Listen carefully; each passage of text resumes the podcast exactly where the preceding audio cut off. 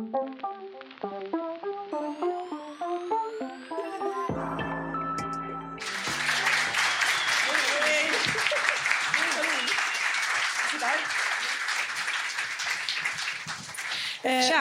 Välkommen! Jag kan svara på att det är precis som du säger, reklamradio som spelar låtarna miljoner gånger per dag betalar ut ofantligt mycket mindre pengar för att de just gör det.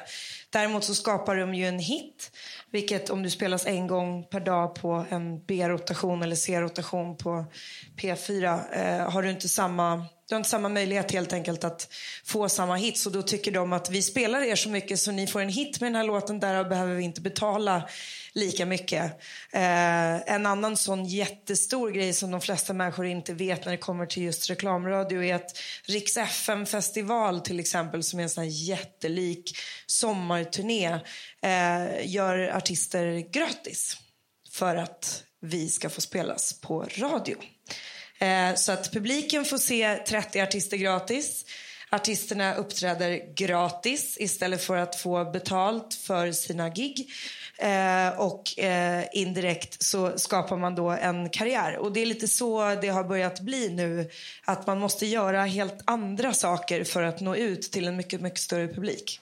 Så att, eh, ja, jag bara, det är därför reklamradio och public service är så stor skillnad som låtskrivare. Det var också intressant det du sa, tror jag inte många har tänkt på, men jag har fått frågor om det förut. Du sa eh, att reklam, alltså, kommersiell radio kan skapa en hit.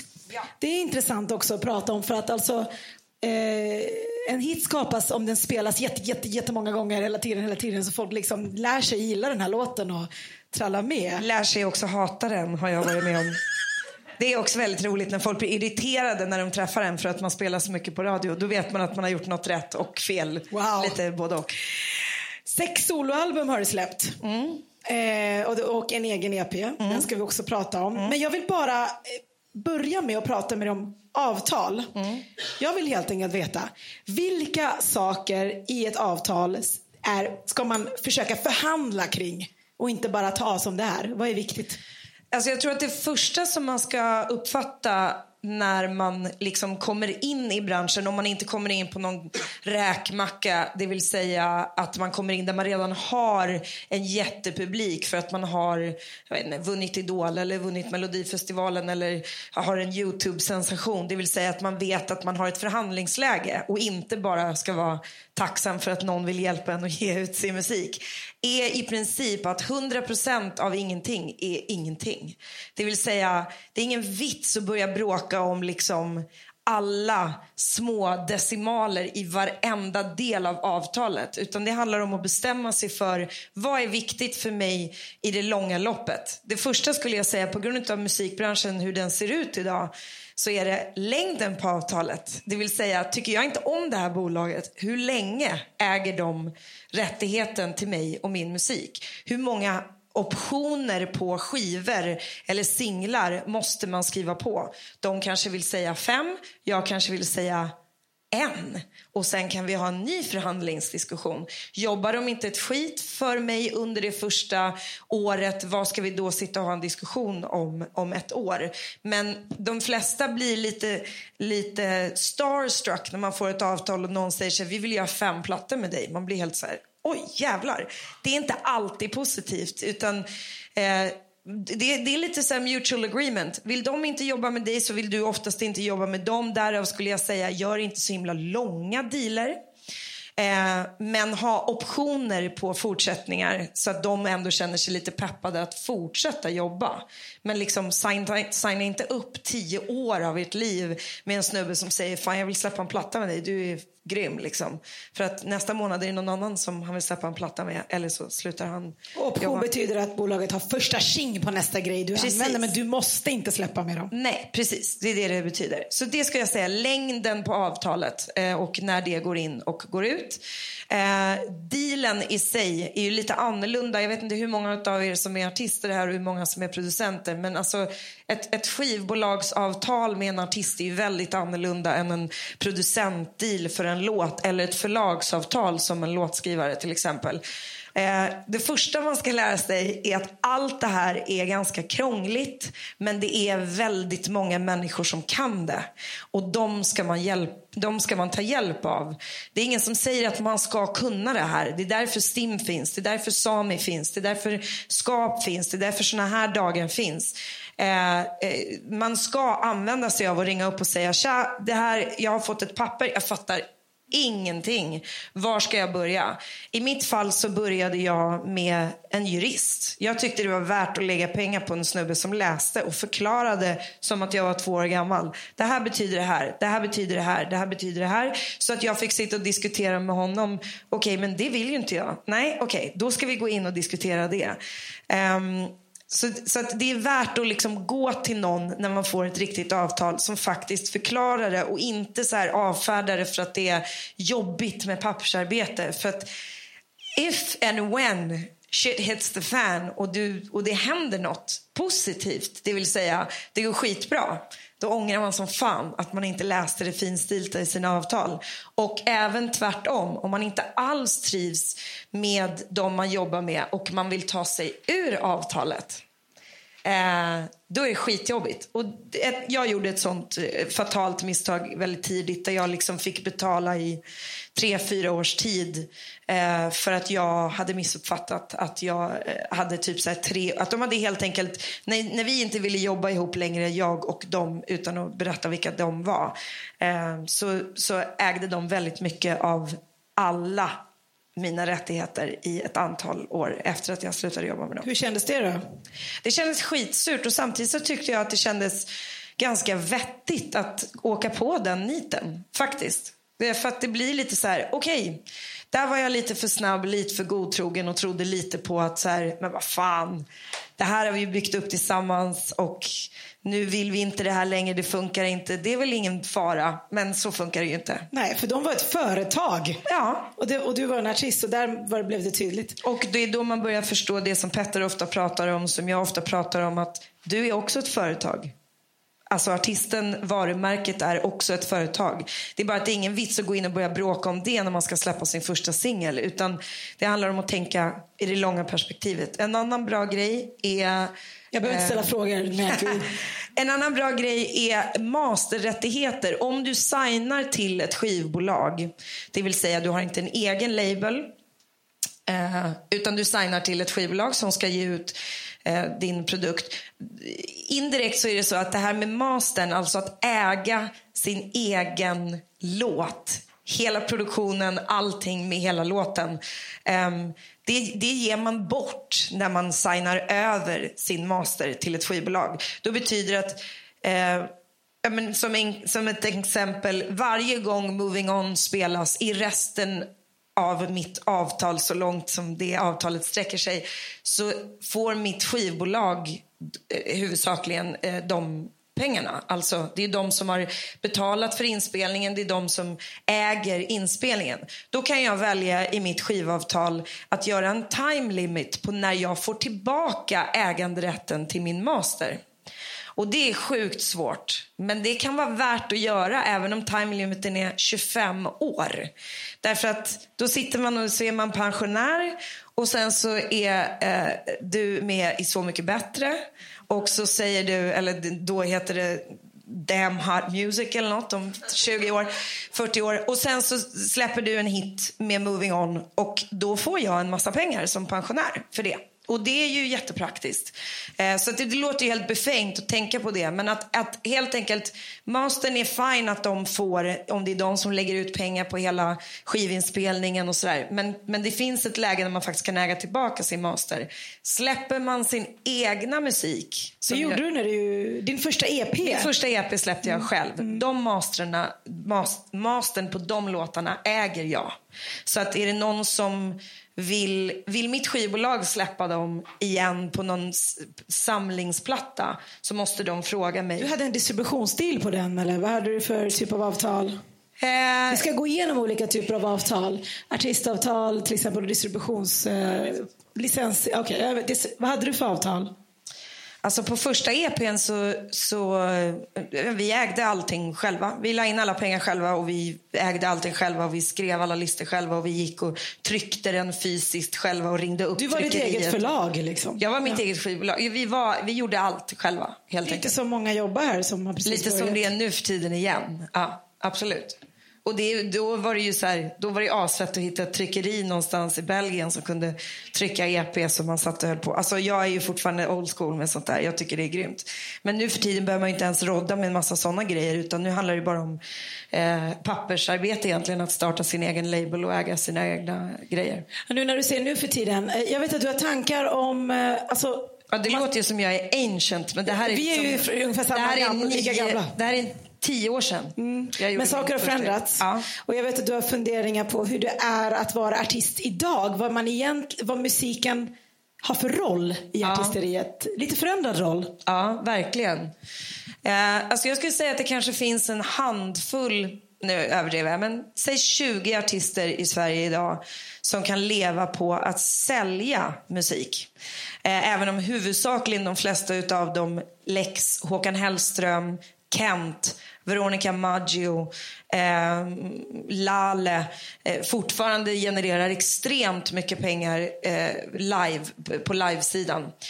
För väldigt många andra så har det gått över till att skivorna och låtarna eh, är promotionsyfte för karriären. Alltså musiken är ju det vi jobbar med, det är det vi bryr oss om och det är det vi gör. Men musiken måste komma ut och den har ingen möjlighet att idag på samma sätt och lika enkelt generera ekonomi helt enkelt. Så det man gör är att man investerar i sin karriär genom att göra musik och sen kommer den ut på en massa, som vi har bara sett, tusen olika, allt från Youtube till Soundcloud till alltså var som helst innan den kanske ens spelas på radio. Och det gör att någon hittar en och någon börjar lyssna på en och det gör att man sen kanske får spela live, vilket jag tycker är en av de bästa marknadsförings eh, verktygen, alltså det vill säga spela dig till en publik så att de får höra musiken och man får åka runt. Och, alltså man når dem och de når dig samtidigt. Så här var det inte förut. Eh, alltså mina plattor gör jag visserligen fortfarande med musiker i studio. Du är många livemusiker. Ja, jättemycket livemusiker. De senaste två Det är ju på riktigt. plattorna så har vi Faktiskt. inte ens använt eh, dator. Nej men alltså vi har liksom gått in i, i livestudios och spelat in med alla på plats. Och det är klart vi använder dator för att sitta och klippa och klistra. Men vi har inte tagit ut och suttit och liksom klippt ihop trummorna sen. Utan det är faktiskt det som vi får höra. Vi går till och med in på liksom Atlantis och spelar in ekorummet för trummorna och lägger på det på mitt sångspår så att det ska vara rätt sångspår som det var i den, den dagen när jag stod och sjöng. Det är ni. Ja, det är, det är old school. Eh, Men, vad- men vad tråkigt om musiken ändå blir promotionsyfte. Det är ju...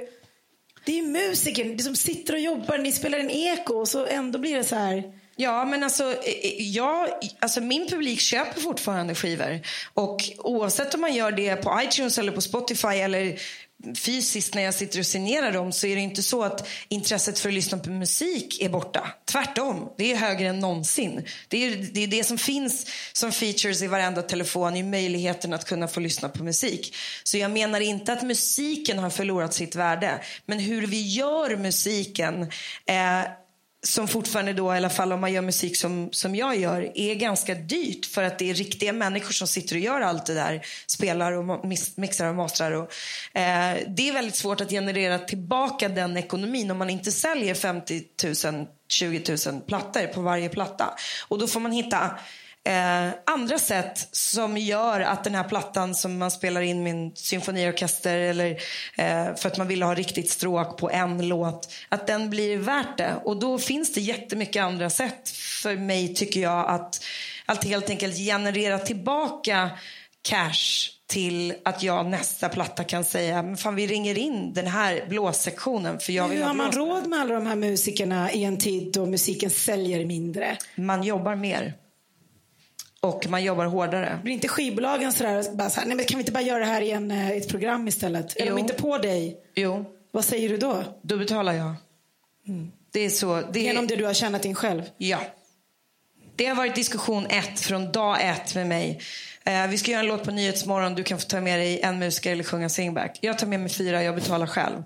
Eh, avtalet, och det går inte ut på att jag har en massa pengar. Det, det handlar bara ut, handlar om tidigt, tidigt i mitt liv så var jag körsångerska och eh, studiosångerska och demade åt låtskrivare. Och det är min värld, det är så jag började. Liksom. Tio år av turnerande och stå i studios och gigga.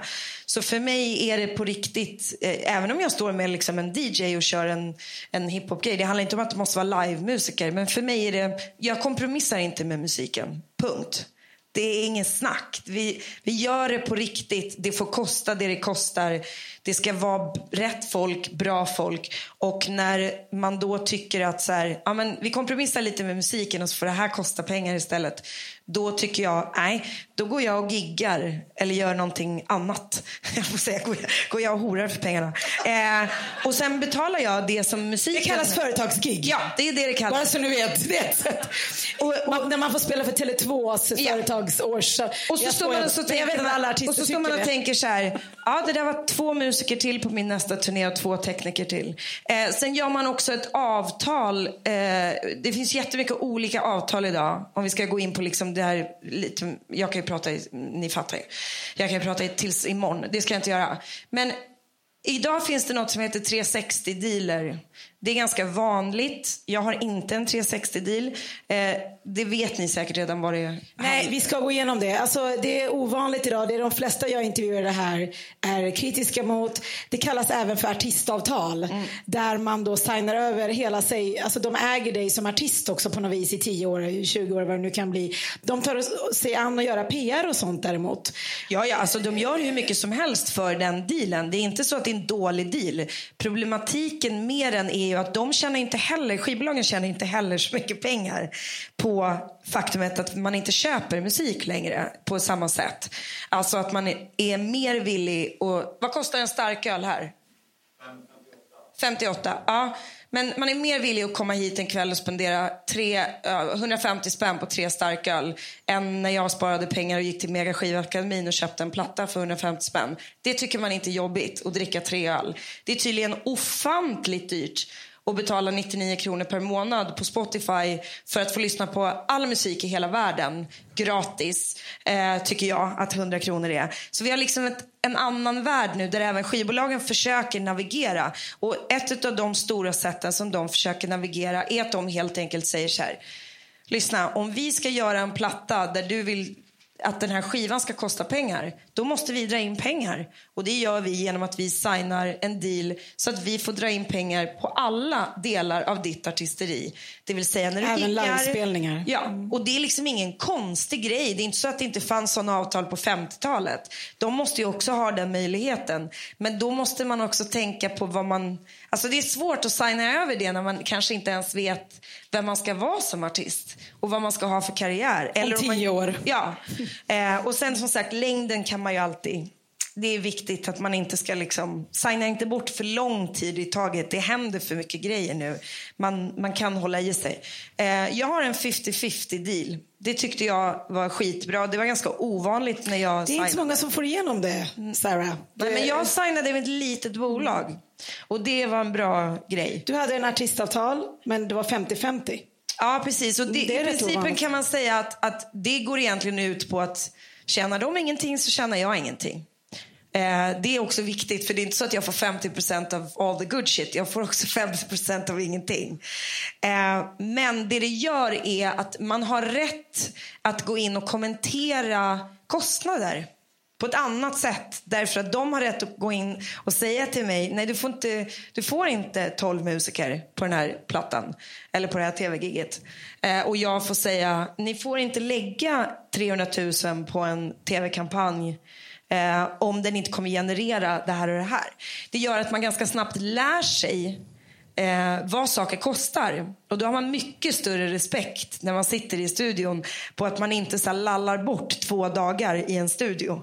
Utan you get there, you work. Det kostar pengar. Man inte liksom, det, för mig var det en jävligt bra lärdom. Att jag är med på alla kostnader och jag är med bara om det blir vinst. På mina första tre plattor, vi hade ett väldigt bra samarbete som började med att jag fick årets mest spelade låt på radio. Eh, min andra platta fick jag årets mest spelade låt på radio. Och eh, platta nummer tre gick jättebra. Sen kom Spotify. And then after that så har det varit lite annorlunda. Eh, ganska mycket annorlunda. Men, eh, det, det, som är, bara avslutningsvis tänker jag så här. Det, alltså jag älskar Spotify men mm. det finns inget ja, ja. bra sätt än för oss att, att tjäna pengar på det. Mm. Eh, bara sådär tänkte jag, så alla här förstår. Jag tror att det är svårt att greppa att det, man vill ju vara musiker och artist. Mm. Men eh, man är liksom tvungen att faktiskt sätta sig in i allt det här och företaga.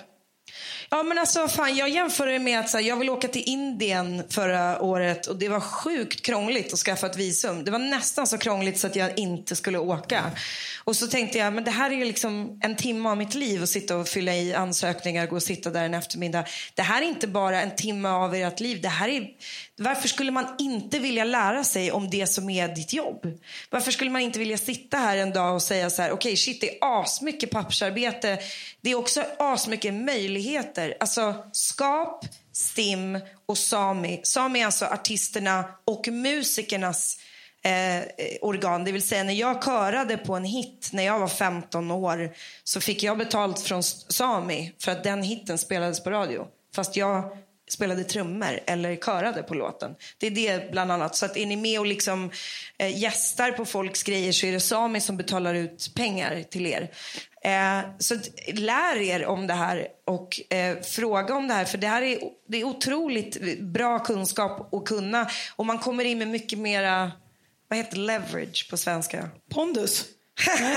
ja, men man har mer att liksom eh, diskutera emot. Ja, när man sitter och avtal. Om man fattar vad det är för någonting som man som, ja, jag har också lärt mig, jag går ju fortfarande på en massa misstag hela tiden och sitter själv i läget där jag inte vet just nu om det är bättre att starta en egen label eller inte. Jag signade mitt första låtskrivarförlagsavtal förra året fastän jag har varit låtskrivare i 15 år för att jag inte tyckte att det var helt värt att signa bort mina rättigheter som låtskrivare när jag mest gjorde musik för mig själv. Men nu gör jag mer också musik åt andra och då tyckte jag att det var värt att få pitchas. Alltså, det, det handlar hela tiden om var man befinner sig i sin karriär och eh, producentmässigt till er som är producenter Ja, det, det, är klart att det inte finns lika mycket pengar i en produktionsbudget längre eh, när skivan i sig eller låten i sig inte får kosta pengar eh, på samma sätt.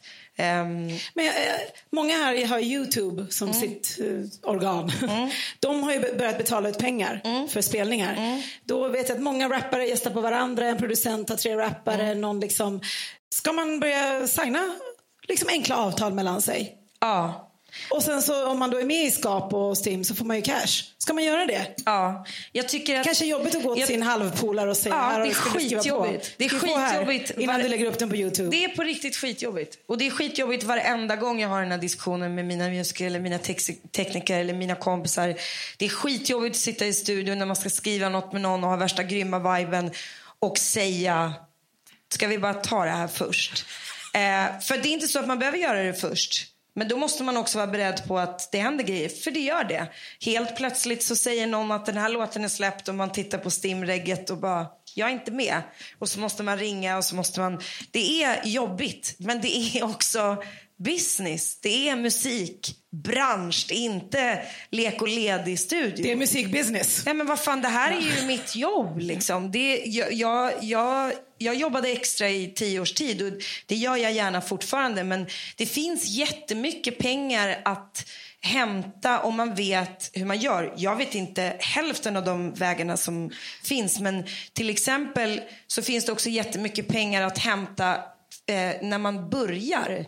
Alltså, eh, kortfattat så här, finns sjukt mycket eh, grants, eh, vad heter det på svenska?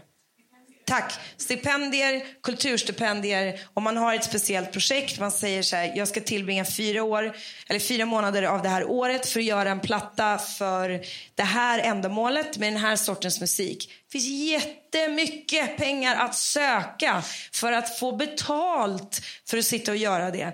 Eh, STIM, när man går med i STIM, de har lägenheter man kan få lottas för att få åka till Skapar New York. också några. Skapa lägenheter och sitta och skriva om man vill co-writa med folk. Det finns otroligt mycket pengar att, att liksom starta upp helt enkelt hela sin business med. Om man bara orkar vara så Ja, det är rätt pappers. galet. Jag sitter i Kulturrådets eh, grupp där jag sitter och liksom ska godkänna, avslå eller godkänna sådana bidragsansökningar från musiker Mm. och grupper och musikakter. Det är, jag kan säga så här, det är hur mycket klassiska musiker och folkmusiker som, Som helst. får hur mycket pengar som helst. Ingen av er är där. Faktiskt. Alltså, det, är, och det är helt galet. Det är, här, det är bara så pengar som bara ligger där. Ja.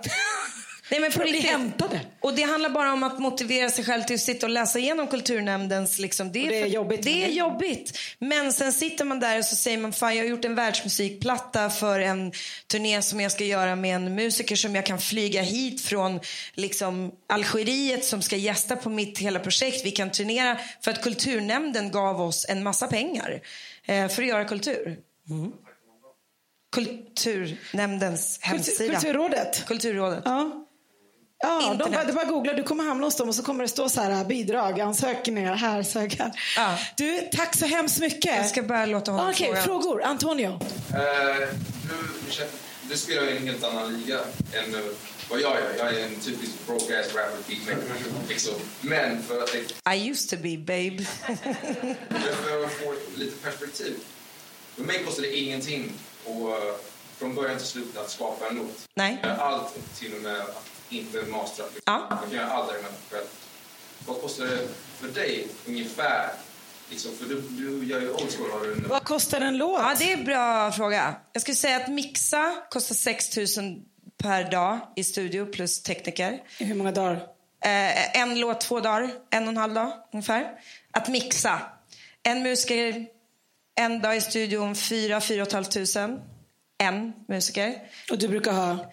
Jag har minst fyra per låt plus stråk eller plus blås. Eller, alltså mina första två plattor gjorde vi också utan mycket livemusiker och bara produktioner. Liksom. Så det, är inte, det här är mer ett val för soundets skull, att jag vill att det ska låta live. Det är inte svårare än så. Jag gör fortfarande låtar där det är bara dator och inga livekostnader för att producenten kan gå in och spela. Och mastra Eh, då, vad kostar det? Eh, mastra, eh, jag brukar väldigt sällan mastra en låt. Jag mastrar en hel platta. Så jag vet faktiskt inte vad mastering Så vad kostar. kostar en låt då? Ja, fan kostar det 45 000 kanske, 50 000. Så ja. Några En- fler frågor? det? ja, men det kan vi, vi kan ta det sen. Ja. Det slipper du ta. Det, Vi det betyder bara om du har en hit spelas du, alltså om du spelas mycket på radio så heter det att du ligger på A-listerotation. Spelas du lite mindre är det B-listerotation, C-listerotation, D. Ja, kändis, B-kändis. Ja, precis. D, det finns D, det finns E, det finns F. Och ofta så kommer man in på lite lägre rotation och så kan man ta sig uppåt. Eh, nu fick jag jättemycket andra En associationer. fråga till hinner vi med. En enda. Nej. Nej. De är helt så här. De är helt matta. Nu, jag skulle- jag- nu vill alla sluta vara musiker. Nej, nej, nej, nej, tvärtom. Nej, Oj, är det så här- inte är det Då så har här jag svårt? misslyckats. Nej, jag skulle nej, säga nej. tvärtom. Så här, möjligheterna är oändliga och spelar verkligen ingen roll om man gör det som jag har gjort nu eller om jag går in och gör en hiphop-platta med dig imorgon. Vi måste fortfarande lära oss vad vi har för rättigheter. Sen är de lite annorlunda som sagt med samplingar än vad de är med, med annat. Men det är exakt samma pryl och jag gör gärna elektronisk musik för att jag tycker det låter asbra. Men man måste veta ändå vad det är för olika möjligheter man har. För möjligheterna är jävligt många. Men avtalsmässigt, det är ingen som förväntar sig att man ska gå från att vara musiker i sitt hem och vilja göra musik till att du ska kunna allt det här. Och det är inte heller ditt jobb att kunna det. Det är ditt jobb att se till att andra människor som jobbar med dig förklarar för dig hur det funkar. Så att du har valet att säga nej, så här vill jag inte ha det. Eller istället för att vakna upp om fyra år och säga shit vad hände? Varför var det ingen som sa något till mig att, Att det inte är så här det funkar. Det är mer den grejen. Så Vi, har bara, vi behöver inte kunna det, vi behöver bara prata med folk som kan det så vi förstår vad vi har för rättigheter. För de är oändliga. De är oändliga. Och vad fan, det är ingen, ingen som ger sig in i musikbranschen för att tjäna pengar har någonting där att göra. Vi gör musik för att vi älskar musik. Vi ska göra musik även om ingen betalar pengar. Punkt. Alltså, och känner man inte så, då åker man ut ganska snabbt. För att det är inte, handlar inte om pengar. Det handlar om att det här är vårt liv. Det här är, om inte jag får sjunga så dör jag. Punkt. Sen är det jättekul att det är mitt jobb och att jag inte behöver jobba på ICA varje dag och gå och sjunga. Utan jag faktiskt kan få betalt för att du lyssnar på musik. Nej, det gör du nog inte. Men någon annan kanske lyssnar på min musik. Och, och då, då är det här mitt yrke och då finns det en stolthet i det. Jag har jobbat hårt för det och jag ska ha betalt för det. Men om ingen lyssnar så kommer jag fortfarande sjunga. Jag lyssnar på din musik. Tack så mycket för att du kom hit. Sarah Dawn Finer.